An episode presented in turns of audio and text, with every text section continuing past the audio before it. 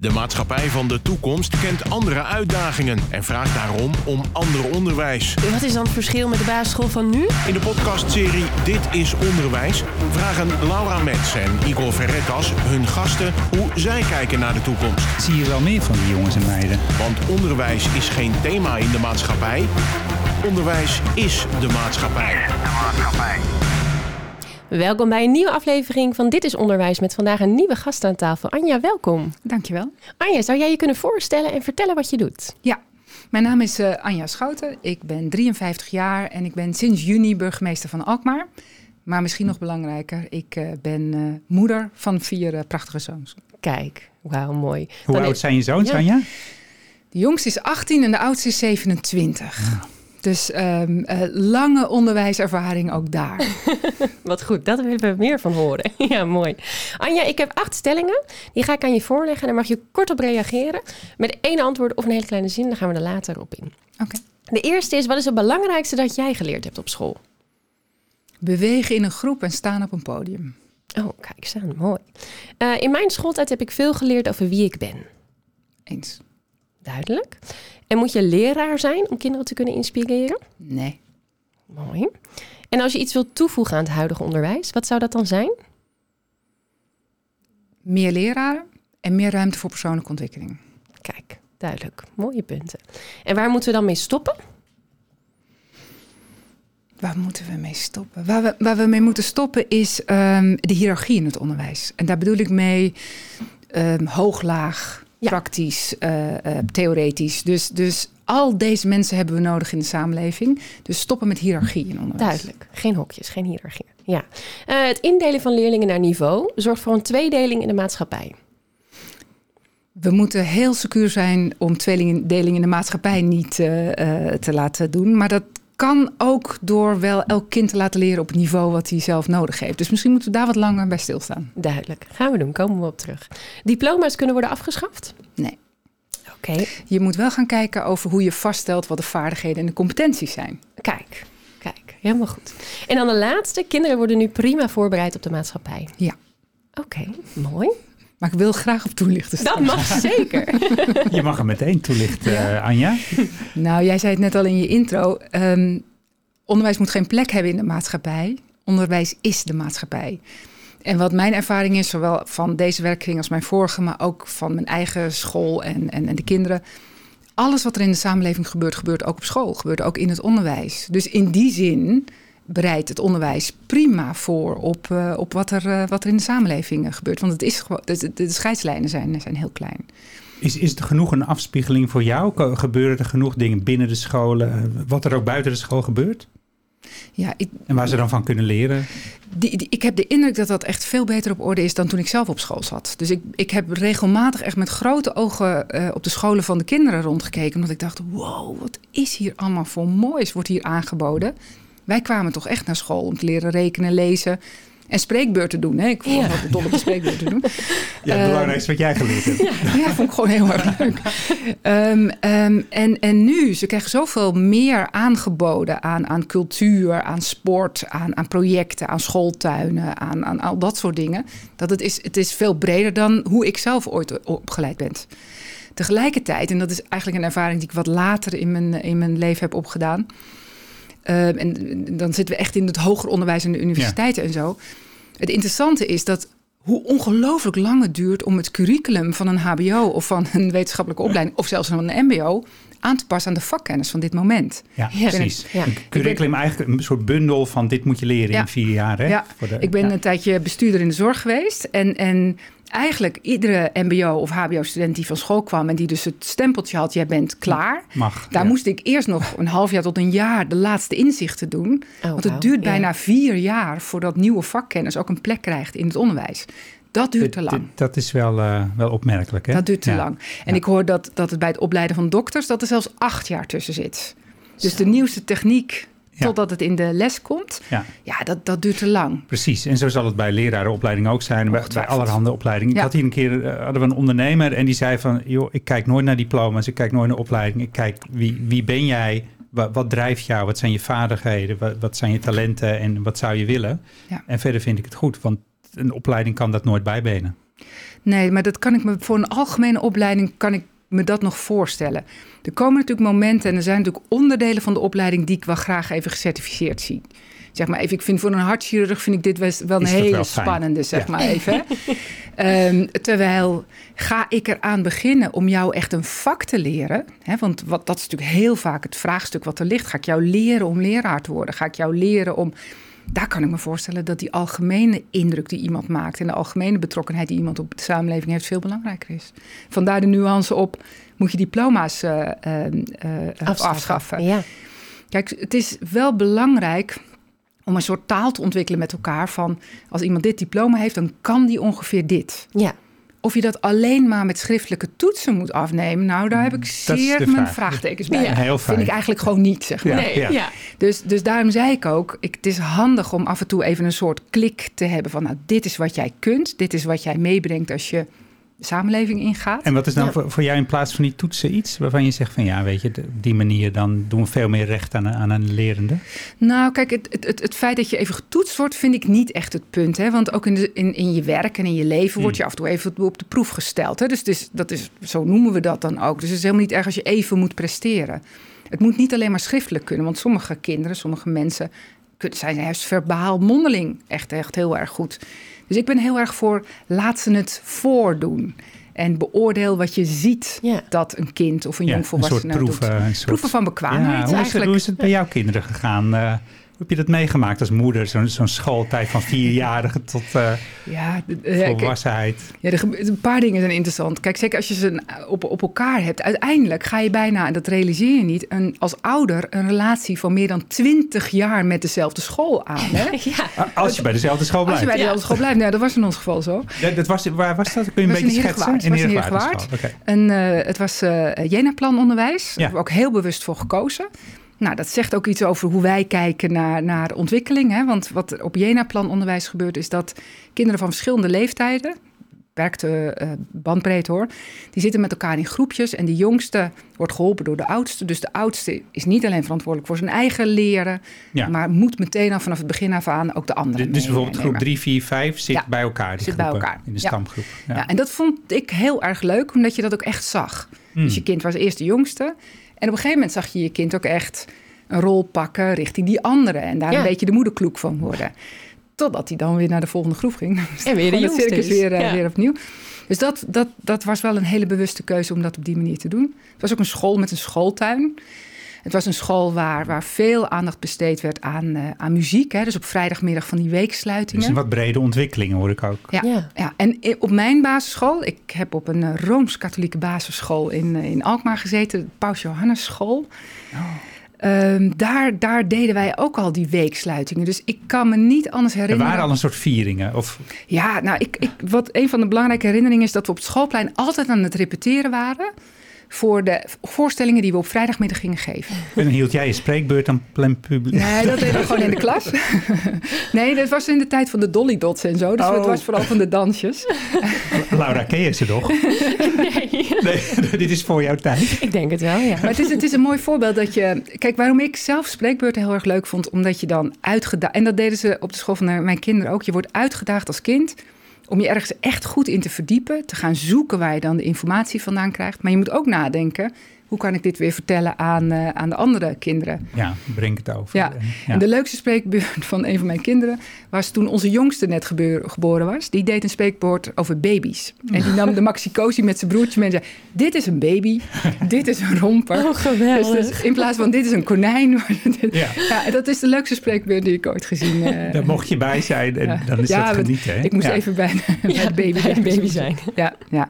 Nee, maar juist die combinatie van vormend, cognitief iets opleveren, zoeken. Zoeken niet alleen in boeken, maar ook in de samenleving. Ik weet nog van mezelf, ik mocht een keertje met een tandarts praten toen ik een spreekbeurt over tandarts ging. Op jouw basisschool al? Op mijn basisschool. was best vooruitstrevend. Ja. ja. ik heb laatst mijn schriftje gevonden waarin ik al mijn spreekbeurten hield. Nou, dat, dat is echt, dat staat helemaal bol, omdat er allemaal plaatjes in geplakt zijn.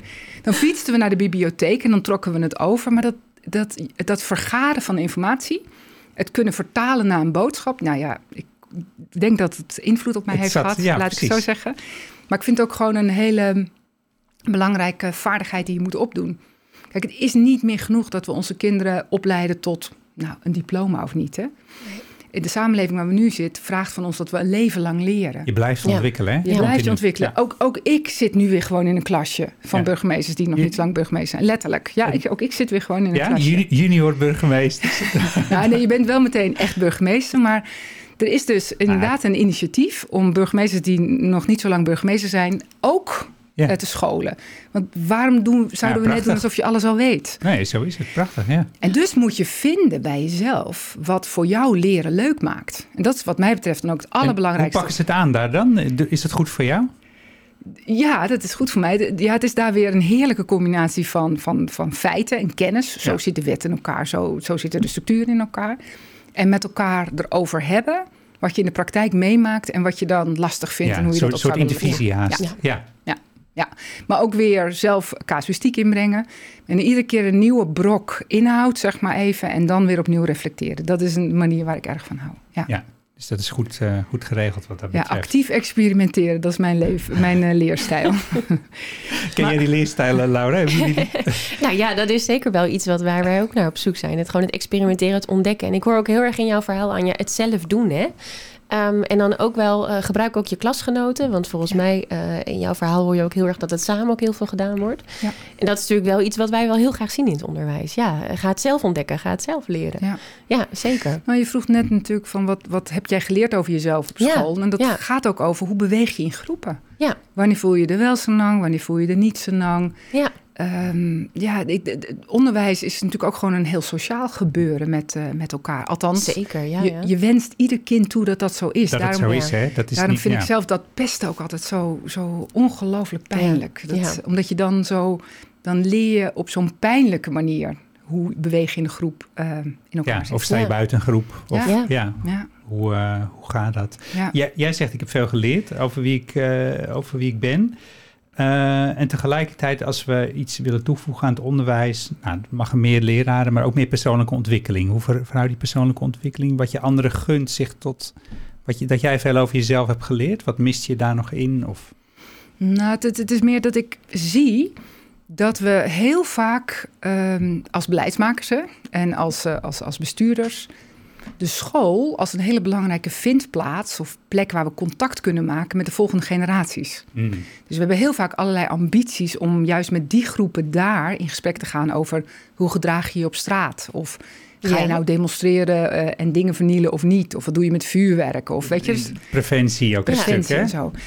Ehm, de, de, dus we zoeken als, als beleidsmakers heel vaak die groepen op. Hè? Dus dat, dat, en dan hoor ik altijd terug van het onderwijs, en daar hebben ze helemaal gelijk in.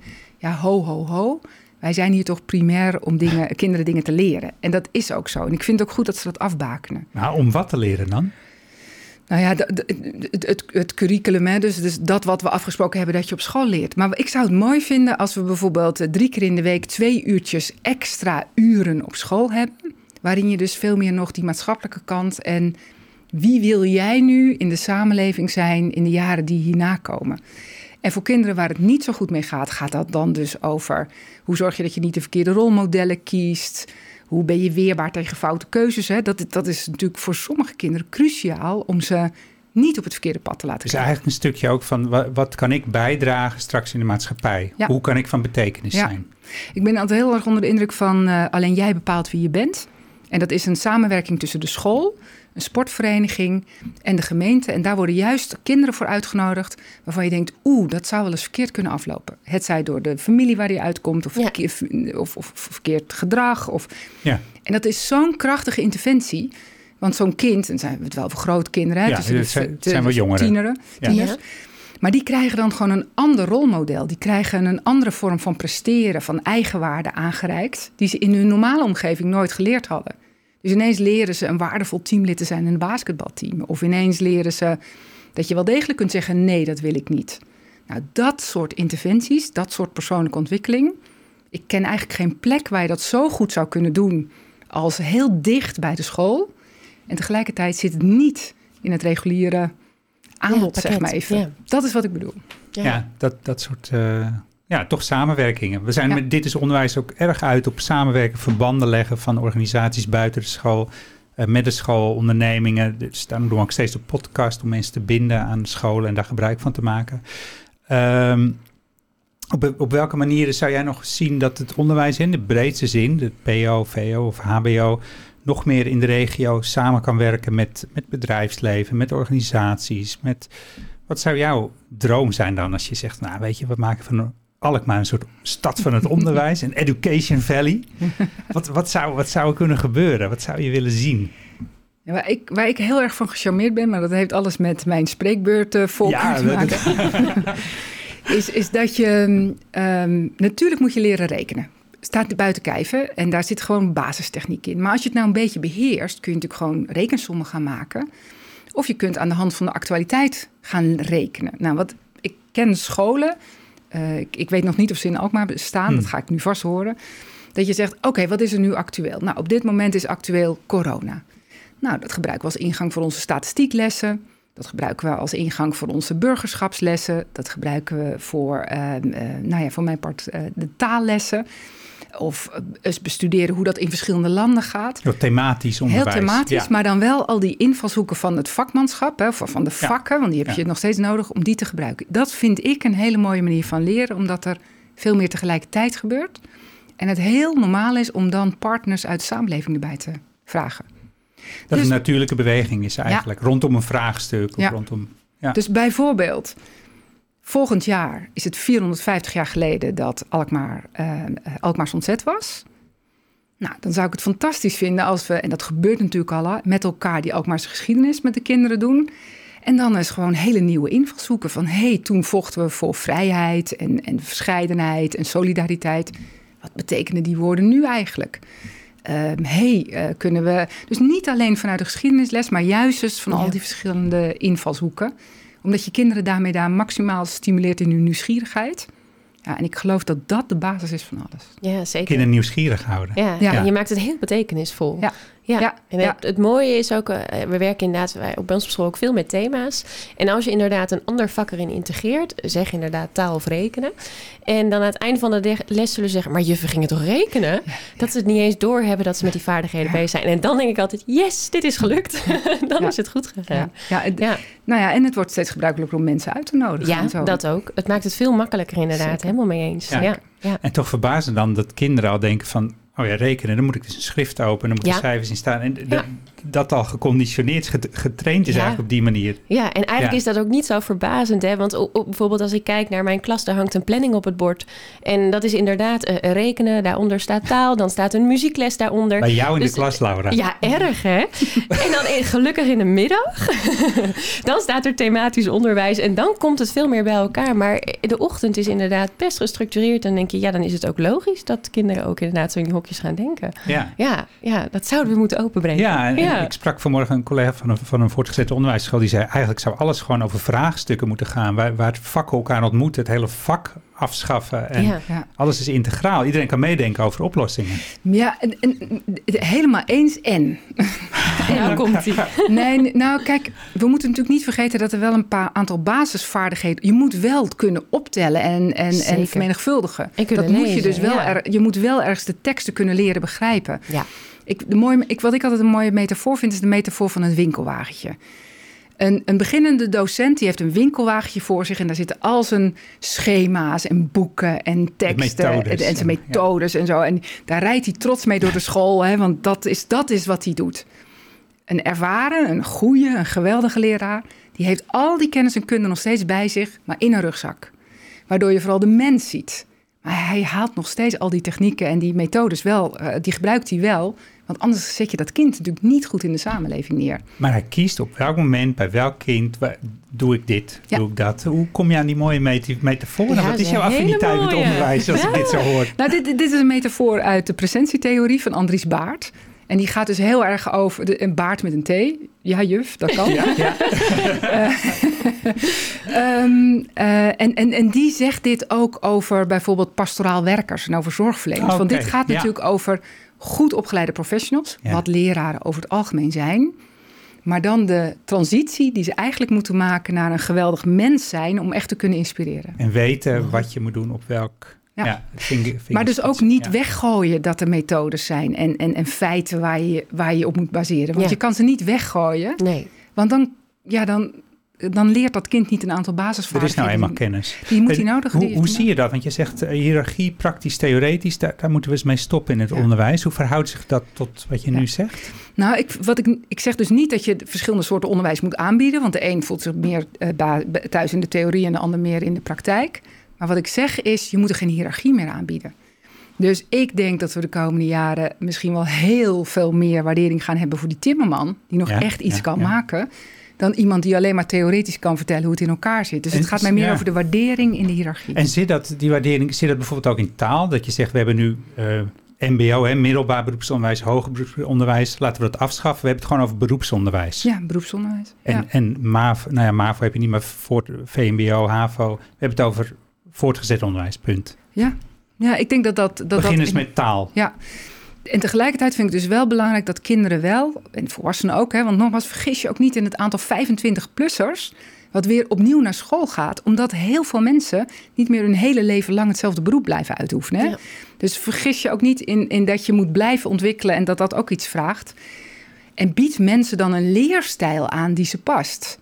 En de een leert het best door het goed te lezen en het dan een keer uit te proberen. Een ander leert het door het eerst met zijn handen te doen en er dan over te praten en weet het dan. Nou, ik geloof er heel erg in. Hè. Er is een, is een soort theorie dat er vier grote leerstijlen zijn. Hoe meer soorten leerstijlen je weet aan te bieden, hoe meer kinderen of jongvolwassenen je weet te bereiken in de kennis en kunde die je over wilt dragen.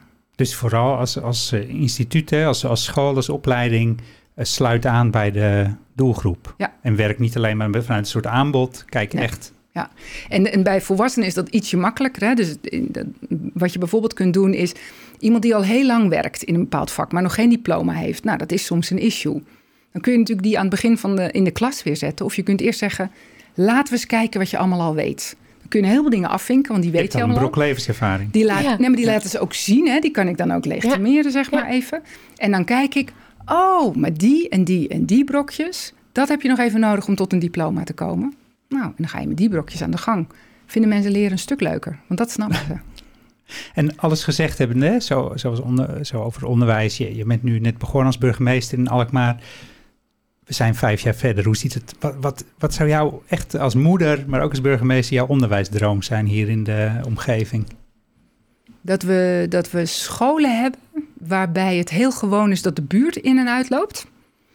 Ehm, dat het heel gewoon is dat een deel van, van, het lessen, van, de, van de lessen ook helemaal niet binnen de school plaatsvinden, maar op, op alle. Hè? Dus kinderen moeten lekker in beweging zijn, letterlijk en, eh, en figuurlijk. Schooluitlocaties. Ja, ja, gewoon, ja, weet je, dus dat het, dat het echt, eh, nou ja, semi-permeabel is, om het even... Ja, hoe, zei je dat? Nou, dat het dus in en uit gaat. Dat dat, heel, Ja. dat, dat volstrekt normaal is. Dat, dat vind ik heel erg belangrijk. En dat wij de kinderen zodanig op kunnen leiden dat zij in de stad weer een belangrijke plek kunnen innemen. Mm. Dus we zouden heel erg moeten gaan nadenken: wie hebben wij de komende 10, 20 jaar nodig om onze mensen te verzorgen? Om onze scholen van goede leraren te voorzien, om eh, de straten te onderhouden. Maar om maatschappelijke vraagstukken die op ons afkomen. Ja. Ja, ja, Ik, ik geloof heel erg in een ecosysteem waar onderwijs deel van uitmaakt. En waar je dus als samenleving met z'n allen ook ervoor zorgt dat de volgende generatie de samenleving ook weer kan dienen. Ja. Wat een mo- mooi beeld. Ja, Wat mij betreft, Laura. Ja, absoluut. Blijf je nog in het beeld. onderwijs werken dan? Ja, zeker. Dit dit- zou ik wel willen over vijf jaar. ja, dat klinkt natuurlijk heel erg mooi. Absoluut. Ja.